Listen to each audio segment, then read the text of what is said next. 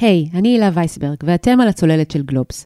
הצוללת יצאה לפגרה קצרה, ובשבוע הבא נחזור עם פרק חדש. ובינתיים, אנחנו מעלים כאן שוב פרק שאהבתם במיוחד, ושאותו הקלטנו ושידרנו לפני שנה. הכירו את הסאקלרים, על בני משפחת סאקלר האמריקאית ומעורבותה בפרשת התרופות האופיאטיות. מאז קרו כמה דברים בעולם, כמו התפרצות מגפת הקורונה, ככה בקטנה, ולצד זה גם הפרשה של הסאקלרים המשיכה להתפתח. אז הנה הפרק ובסיומו עדכון. בתחילת המאה שעברה גדלו בברוקלין, ניו יורק, שלושה אחים. ארתור הבכור, ואחריו מורטימור וריימונד סאקלר. ההורים שלהם היגרו מפולין לארצות הברית, והצליחו להגשים את החלום של כל אימא יהודייה, וכנראה גם של רוב האימהות האמריקאיות, שלושה בנים רופאים. ליתר דיוק, רופאים פסיכיאטרים. Fast forward ל-2019, הסאקלרים שווים היום 13 מיליארד דולר. זה נשמע כמו סיפור הצלחה מסחרר של הגירה? כן, אבל לא על זה נדבר היום. היום ננסה להבין איך המשפחה הזו הנדסה, התניעה והובילה את אחת מהקטסטרופות הגדולות ביותר בבריאות הציבור שקרו בעולם המערבי בשנים האחרונות, מגפת האופיאטים. אם איכשהו לא שמעתם עליה, אז נספר בקצרה שמדובר במגפה שכוללת התמכרות למשככי כאבים. ב-20 השנים האחרונות מתו בגללה כ-400 אלף אנשים, רק בארצות הברית. והכל התחיל בעצם בגלל המשפחה הזו, משפחת סאקלר. השם שלה אולי מוכר לכם כי היא גם תורמת מאוד גדולה של אוניברסיטת תל אביב. אז מה קרה לשלושת האחים הרופאים שהפך אותם לכל כך עשירים? מה הקשר בין האופיאטים לסאקלרים ולהסדרים הכספיים במיליארדים שנסגרים כעת בארצות הברית מול חברות התרופות? היום בצוללת זה בדיוק מה שננסה להבין. היי, אני אורי פסובסקי. ואני הילה וייסברג. ואת חקרת את הסיפור של הסאקלרים לעומק. אז בואי נצלול לסיפור הזה מההתחלה, שלב אחרי שלב. נחזור לברוקלין של שנות ה-50. אנחנו עם האח הבכור, ארתור, הוא אמנם למד רפואה, אבל נמשך כבר מההתחלה לעולם הפרסום והשיווק, סימנים ראשונים לדפוס שהסאקלרים ישכללו מאוד בהמשך. הוא הלך לעבוד בחברת פרסום שהתמחתה בתרופות מרשם. וככה נולד קמפיין יצירתי שארתור היה חתום עליו, קמפיין לאנטיביוטיקה בשם סיגממיצין. זו הייתה אנטיביוטיקה של חברת התרופות פייזר, והקמפיין כלל מודעות שהציגו כרטיסי ביקור של רופאים, ממש עם השם של הרופא, ועם הסלוגן, יותר ויותר רופאים בוחרים בסיגממיצין. אבל תחקיר עיתונאי שנעשה כמה שנים אחר כך, העלה שהרופאים האלה מעולם לא היו קיימים בעצם. בדיוק, ארתור פשוט המציא אותם. ועוד פרט טריוויה מעניין על ארתור סקלר, הוא גם עמד מאחורי ההצלחה המסחררת של תרופות ההרגעה ווליום וליבריום שחדרו לבתי הפרברים האמריקאים בשנות ה-60. השיר של הרולינג סטונס, Mother's Little Helper, הוא נכתב בדיוק על הכדורים האלה. אבל לא רק ארתור חיבב את הצד העסקי של עולם הבריאות, גם שני אחים שלו. נכון, ופחות או יותר באותה תקופה, שלושה רוכשים את חברת התרופות פרדו פארמה, שתהפוך 70 שנה מאוחר יותר למוקד של כל סערת האופיאטים בארצות הברית. בכל מקרה, האחים המייסדים, ארתור, מורטימור וריימונד, נפטרו בין 1987 ועד 2017. וכנהוג בחברות משפחתיות, אז מגיע הדור הבא. כן, והדור הבא הוא דמות מפתח בסיפור הזה. זהו הבן של ריימונד, ריצ'ארד. הוא נכנס לחברה בשנות ה-70, ובהמשך מתמנה לנשיא שלה. גם הוא כמובן רופא. ברור, ואפשר אולי לומר בהקשר הזה שהתלמיד עלה על רבו, כי הוא בעצם זה שהופך את פרדו מעוד חברת תרופות שמוכרת תכשירים ממש בסיסיים, כמו מסירי שעבה מהאוזניים, לחברה שמגלגלת מיליארדים וגם ידועה לשמצה. והכל בגלל תרופה אחת, משכך כאבים בשם אוקסיקונטין. תזכרו את השם הזה. אוקסיקונטין קיבלה את אישור ה-FDA, מנהל המזון והתרופות האמריקאי, בשנת 1995. אבל אה, על איך שזה קרה ומה בדיוק היה שם, עוד תספר לנו בהמשך. בואי נחזור רגע לריצ'רד סאקלר ולתוכנית השיווקית שלו. תראה, מדברים על זה שריצ'רד שם לעצמו למטרה להפוך את האוקסיקונטין לבלוקבאסטר, ללהיט, ואני אוסיף ממש בלי לראות בעיניים. זה הצליח לו לגמרי. בתוך חמש שנים המכירות השנתיות כבר הגיעו למיליארד דולר בשנה, ובהמשך הן זינקו לשלושה מיליארד דולר בשנה. שלושה מיליארד. וכל זה רק בארצות הברית. זה העיתונאי ברי מאייר, שליווה את פרשת הסאקלרים אה, מטעם הניו יורק טיימס במשך 20 שנה, וגם כתב עליה ספר, Pain Killer. הוא קורא לתרופה הזאת, האוקסיקונטין, נשק גרעיני, Nuclear Weapon. מה בעצם הסיפור של התרופה הזו? זה די פשוט, התרופה הזו מאוד חזקה, מאוד מאוד חזקה. לכן היא גם מאוד ממכרת. היא נחשבת חזקה פי שניים ממורפיום למשל. רגע, צעד אחורה. מה הם בכלל תרופות אופיאטיות ומה הבעיה איתן? כדי להבין את זה, דיברתי עם טל מורגנשטיין, היא מנהלת האגף להערכת טכנולוגיות במשרד הבריאות, ובהכשרתה היא רוקחת ובעלת תואר שני בנוירוביולוגיה. האופיאטים, כל המשפחה הזאת, בעצם מופקים במקור מהפרג, יש לזה תיעוד מאות שנים אחורה, אם לא אלפי. זה נשמע תמים, אבל זה לא. כשאנחנו נותנים תרופות שיוצרות התמכרות, הגוף עצמו אומר, זה אני צריך, עכשיו אתה חייב להמשיך לספק לי את זה. אם לא תספק לי את זה, אני אתחיל לחוות כל מיני תסמינים, מה שנקרא קריז. אנשים מתארים את זה בסופו של דבר ככאבי תופת נוראיים, ייאוש טוטאלי, כי אתה באמת לא רואה איך זה נגמר, וזה לוקח זמן, לוקח זמן להיגמל מהדברים האלה. תוך כמה זמן מתמכרים? הבעיה, במיוחד עם האופיאטים, שבפועל, אם אתה לוקח תרופה לכעשרה ימים, שבועיים, כבר יצרת תלות. אפשר להיפטר ממנה יחסית מהר בשלבים המוקדמים, אבל ככל שלוקחים את התרופה לאורך יותר זמן, ככה ההתמכרות נהיית יותר ויותר קשה, ואז הרבה יותר קשה לצאת ממנה. לכן הדרך שעוברת מהמקום הזה של פיתוח תלות בתרופה ועד התמכרות של ממש, אפילו עד כדי שימוש בהרואין, הדרך הזו עלולה להיות מאוד מהירה. אוקיי, okay, אז אם נחזור לסאקלרים, איך בכלל הם הגיעו לפתח את האוקסיקונטין? לפני התרופה הזו היה לסאקלרים משכך כאבים אחר בשוק, שנקרא MS קונטין. המילה קונטין מייצגת את המילה continuous, מתמשך באנגלית. וזה מכיוון שהתרופה השתחררה באופן איטי בגוף. בשפה מקצועית מדובר במנגנון של שיהוי איטי. רק כדי לתת קונטקסט, צריך להבין שהפיתוח של התרופה לא קרה בחלל ריק. הוא התרחש בתקופה שבה הממסד הרפואי בכל העולם ניסה להתמודד טוב יותר עם כאב של מטופלים וחיפש פתרונות, פתרונות טובים. אבל הפטנט על התרופה ההיא, שאגב מאוד הצליחה, עמד לפוג, מה שאומר שחברות אחרות יוכלו לפתח תרופות דומות, מה שאומר פחות כסף לסאקלרים, נכון? בדיוק. לכן בשלב הזה פרדו פארמה מתחילה לחפש תרופה חדשה. ואז היא קיבלה את ההחלטה ששינתה את הכל. לייצר תרופה שתכיל רק חומר אופיאטי אחד בשם אוקסיקודון. תרופות אחרות שהיו אז בשוק, כמו פרקוסט, ערבבו את החומר הזה עם חומרים אחרים. אבל לא האוקסיקונטין, היא הכילה כמות מטורפת ממש של החומר הפעיל, ולכן היא הייתה, כאמור, נשק גרעיני. אם נחזור ל-FDA, למינהל התרופות, יש שאלה שמטרידה אותי עוד מתחילת הפרק. איך לעזאזל הם נתנו לתרופה הזו אישור? תראה, מה שידוע הוא שב-1995 פרדו משווקת את האוקסיקונטין ל-FDA כתרופה שדווקא יש פחות סיכוי שאנשים יתמכרו אליה. פרדו אמרו ל-FDA, תראו, אנשים שמחפשים להסתמם מאופיאטים, הם ילכו על תרופות שמתפרקות יותר מהר בגוף, כמו הפרקוסט. הם לא ילכו על התרופה שלנו. אבל כל זה פשוט לא היה נכון. בפועל אנשים התמכרו לאוקסיקונטין במהירות הבזק. גם אם הם ממש לא התכוונו להתמכר, אפילו בתוך ימים בודדים. באמת בשנים שאחר כך צפו כל מיני סיפורים של אנשים שהתמכרו לאוקסיקונטין, אחרי שנפצעו במשחקי פוטבול בתיכון, או אחרי טיפול שיניים, שלא לדבר על חיילים שחזרו מאפגניסטן עם פציעות. וגם התברר בהמשך שהיה קל מאוד לעקוף את המנגנון הזה של השיהוי האיטי, למשל אם ממיסים את התרופה במים או מסניפים אותה. לכן היא גם זלגה לרחוב ולשוק השחור מאוד מהר. אבל את כל זה ה-FDA לא שיער או ידע או, או בדק, הוא פשוט קנה את מה שפרדו אמרה לו?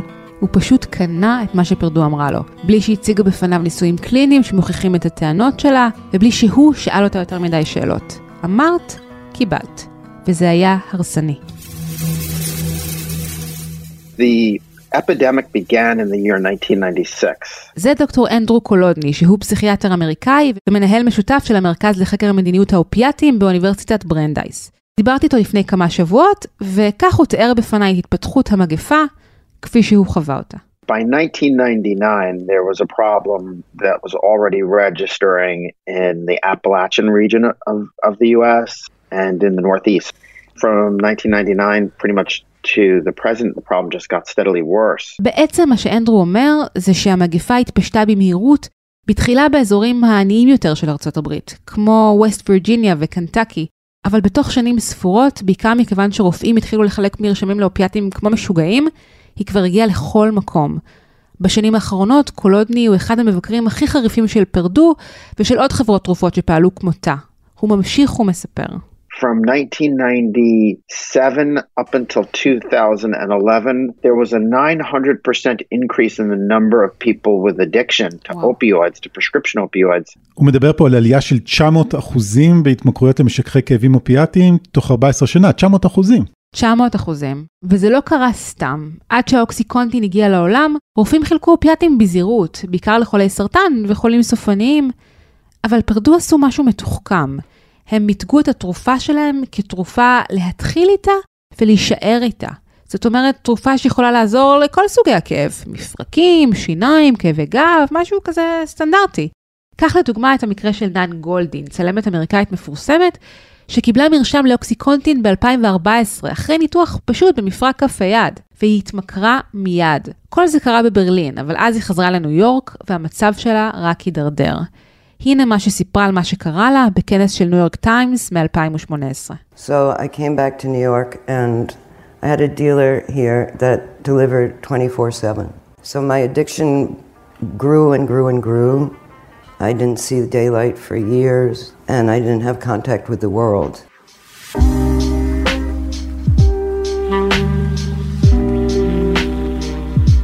נחזור לפרדו עצמה. כשהיא דחפה ככה את האוקסיקונטין, היא ידעה שהיא מוכרת שקרים? היא ידעה שהיא מוכרת שקרים. החל מאיזה שלב בדיוק היא ידעה ומה היה ההיקף של מה שהיא ידעה, לא ברור. אבל לפי תכתובות פנימיות שפורסמו בהמשך, כבר בשנים הראשונות היו אנשים בחברה שידעו שמשהו רע קורה, שאנשים מתמכרים, שאנשים מתים ממנת יתר, שהתרופה זולגת לרחוב ולשוק השחור, ופרדו, היא לא עשתה כלום. לא רק שהיא לא התריעה בפני הרשויות, אלא שלכל אורך הדרך המשיכה לטעון שהבעיה היא לא בתרופה, אלא באנשים שמנצלים אותה לרעה, במסוממים. ריצ'רד סקלר קרא להם abusers, בהם, הוא טען, צריך להילחם. אבל מה בעצם היה בקמפיין השיווקי של פרדו שהיה כל כך אפקטיבי? בעצם הם גרמו לממסד הרפואי לשכוח מכל מה שהם יודעים על האופיאטים, על הסכנות שטמונות בהם, פשוט לזרום עם המסר של פרדו. תשמע, זו הייתה שיטת שיווק מאוד חכמה, בעיקר מאוד רחבה ואגרסיבית. פרדו שמה לעצמה למטרה להגיע לרופאים, למי שמחזיקים בידע, בכל אמצעי שרק אפשר, ובאופן שיראה כמה שיותר אותנטי. אנדרו קולודני קורא לזה שיווק שמוסווה כהשכלה. כל מיני סמינרים שיווקיים ודברים כאלה, זה פרקטיקה שמוכרת גם ממקומות אחרים. כן, גם חברות אחרות עושות את זה, אבל במקרה של האוקסיקונטין, אנחנו מדברים על היקפים משוגעים. למשל, בין 1996 ל-2001, פרדו מימנה יותר מ-20 אלף כנסים וסדנאות על כאב לרופאים. בעצם היא חדרה לכל מקום שבו רופאים רוכשים השכלה. בתי ספר לרפואה, מאמרים אקדמיים וגם מארגוני חולים ורופאים כמו האגודה האמריקאית לכאב, The American Pain Society.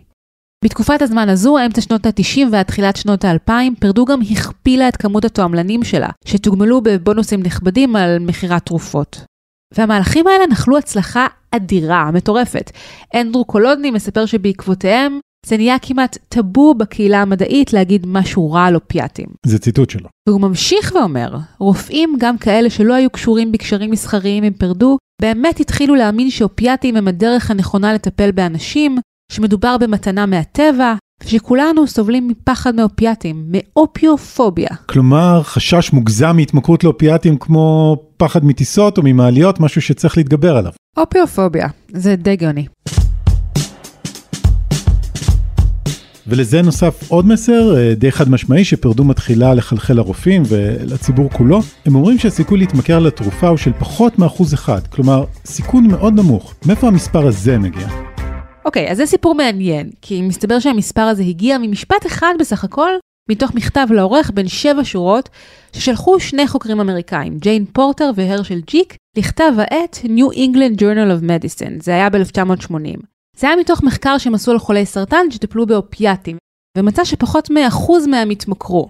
העניין הוא שזה היה מחקר שהתמקד רק בחולי סרטן שלקחו את התרופות תחת פיקוח ובפרק זמן מוגבל, כך שלא באמת היה קשר בינו לבין האוקסיקונטין. אבל פרדו השתמשו בסטטיסטיקה הזו והפיצו אותה בכל מקום, בפרסומות בטלוויזיה, בכתבי עת רפואיים, בפגישות עם רופאים. בארצות הברית אגב, בניגוד לישראל, מותר לפרסם תרופות מרשם, וגם זה חלק מהבעיה.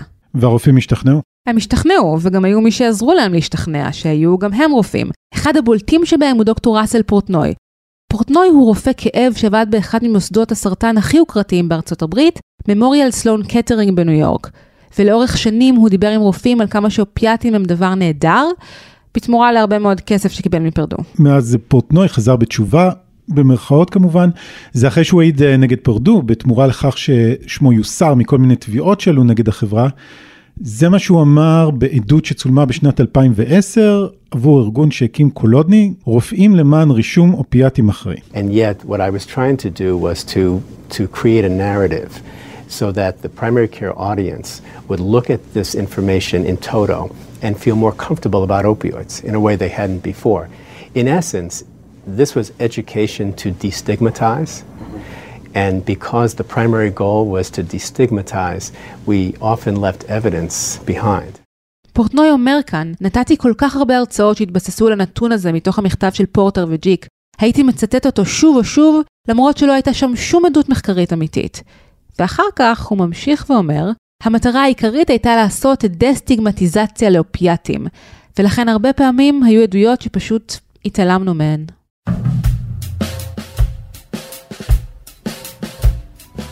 הפרשה התפוצצה בשלבים, אבל בעצם החל מהרגע שפרצה המגפה בשנות ה-90 ועד השנים האחרונות, כשסוף סוף ההתנהלות של פרדו מתחילה להתבהר, חלפו 20 שנה. 20 שנה. זה המון זמן. זה קרה רק אחרי שכל מיני מסמכים ואימיילים פנימיים של פרדו התחילו לצאת החוצה. וזה לקח זמן, כי בכל ההסדרים הכספיים שהחברה הגיעה אליהם בעבר, המסמכים נותרו חסויים. זה היה חלק מהעניין, חלק מהדיל. פרדו פארמה היא גם חברה פרטית, אז היא לא הייתה צריכה לדווח לציבור על שום דבר אף פעם. אבל בסוף המסמכים דולפים, ועולה מהם תמונה קשה מאוד ביחס לשקרים שפרדו הפיצה. זה גם המקום לומר שפרדו אמנם התניעה את המגפה, אבל היא לא הייתה היחידה שהשתמשה בשיטות שיווק בעייתיות לקידום אופיאטים.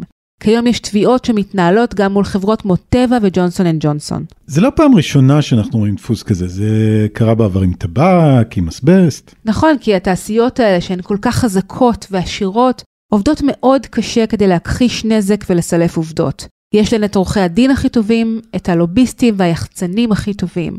אבל לאט לאט מתחילות להיערם תביעות, ובסוף משהו בחומת ההכחשה והסילוף מתחיל להסדק. האמת יוצאת לאור. גם הרגולטור, ה-FDA, לא יוצא טוב מהסיפור הזה. מאוד לא טוב. ההתנהלות של ה-FDA, כמו שאני מבינה אותה, הייתה רשלנית מההתחלה ועד הסוף. האם הייתה שם שחיתות? יכול להיות, אבל זה מעולם לא הוכח. מה שכן ידוע זה שבוחן ה-FDA שאישר את התרופה, דוקטור קורטיס רייט, עבר לעבוד בפרדו שנתיים מאוחר יותר. אני חושב שיש כרגע יותר מדי קשרים בין יצרניות אופיואידים לקהילה הרפואית ולרגולטור ל-FDA. זה איתי בבלי, הוא דוקטורנט ישראלי בתחום בריאות הציבור מאוניברסיטת בריטיש קולומביה בקנדה. והוא גם חקר את הנושא של האופיאטים והאוקסיקונטין. אני חושב שיש פה איזושהי בעיה שצריך לפתור אותה. ה-FDA לא צריך להיות חבר של החברות תרופות. הוא הרבה מאוד מתייעץ איתם בהרבה דברים שהוא עושה. ככה המערכת בנויה, אני לא בא לשנות את המערכת, אבל יש פה איזושהי בעיה שצריך לחשוב איך משנים את זה. בינתיים האמריקאים מטפלים בנושא כמו שהם יודעים, שזה אומר בכסף. רק בכסף, באמצעות הסדרי תשלומים מול החברות. אבל אף אחד כנראה לא יישב בכלא, וגם אף חברה לא לקחה אחריות עד היום למה שהיא עשתה. זה מה שההסדרים האלה מאפשרים, לשלם ולחמוק מאחריות. לא רק זה, אלא שכל אותם אנשים שנפגעו מאופיאטים לא קיבלו פיצוי אישי על האובדן, על עוגמת הנפש, כי כל הפיצוי מגיע למדינה.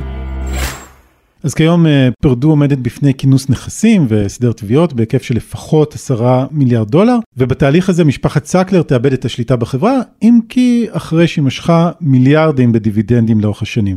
עוד חברות תרופות מעורבות גם הן בהסדרי פשרה של מיליארדים מול כמה מדינות טובות בארצות הברית. ואגב, לא מדובר רק בתופעה אמריקאית, כי כיום אפשר לראות עלייה בצריכת האופיאטים מסביב לעולם. זה קורה בין השאר דרך זרוע בינלאומית של פרדו, שנקראת מונדי פארמה, ופועלת בהרבה מאוד מדינות, כולל ישראל.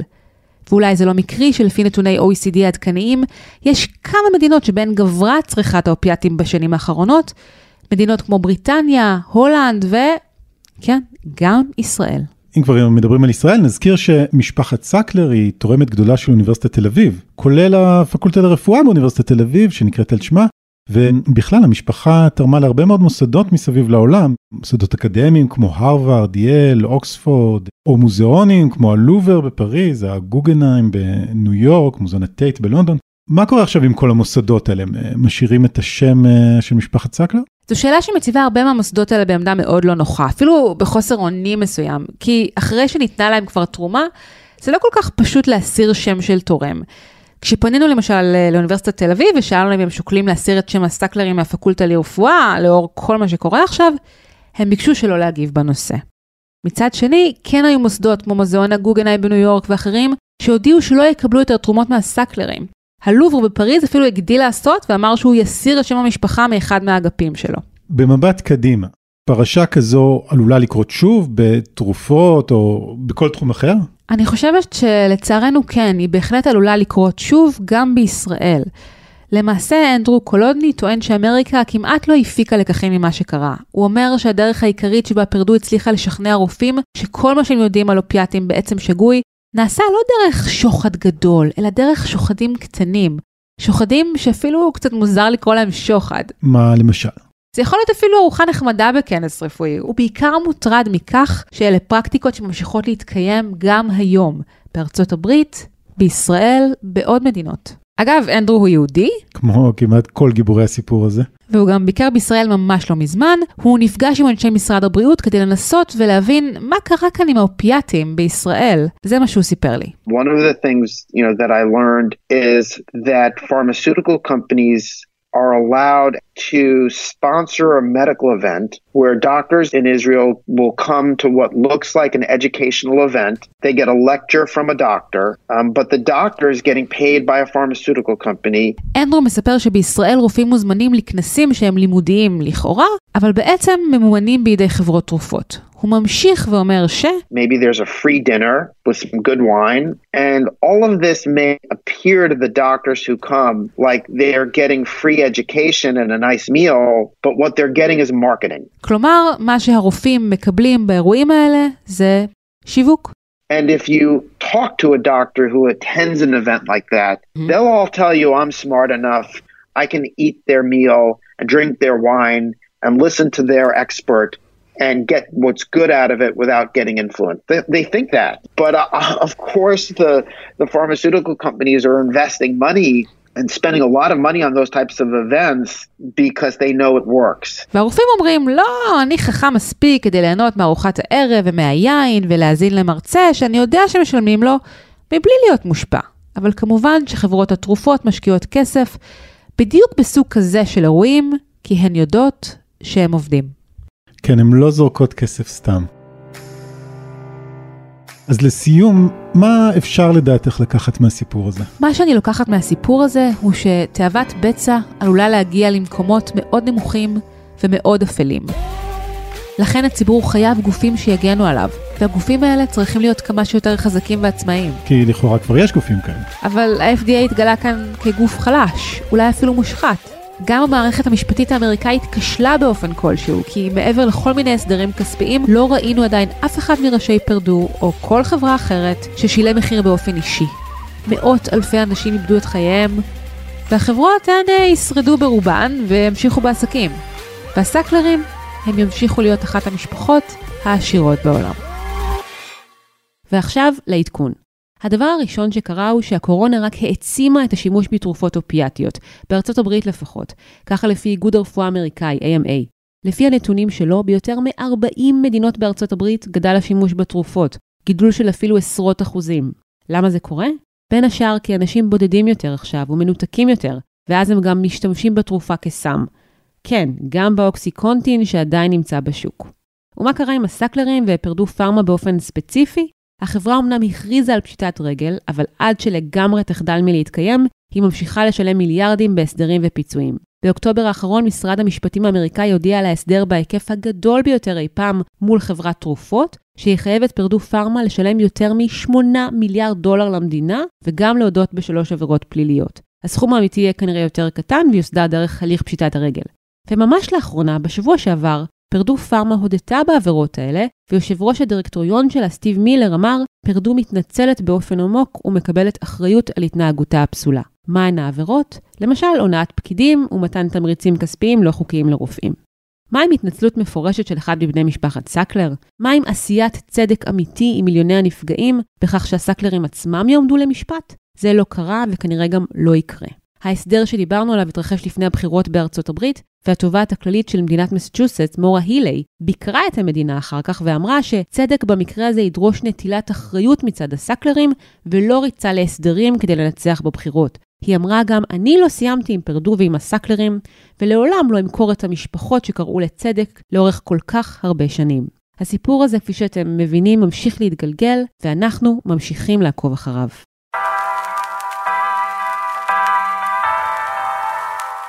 עד כאן עוד פרק של הצוללת. אם אהבתם את מה ששמעתם, אתם מוזמנים ומוזמנות לעקוב אחרינו באתר גלובס ובאפליקציות הפודקאסטים השונות בלחיצה על כפתור ה follow או ה subscribe. אפשר גם בספוטיפיי, ונשמח אם תדרגו אותנו גבוה באפל פודקאסט. תודה לעורך הפודקאסטים רון טוביה ולניב בן אלי על הסאונד. דבריו של אה, דוקטור ראסל פורטנוי נלקחו מעמוד היוטיוב של אנדרו קולודני. אני הילה וייסברג, ואני אורי פסובסקי. ותודה שהאזנתם. ניפגש בפעם הבאה.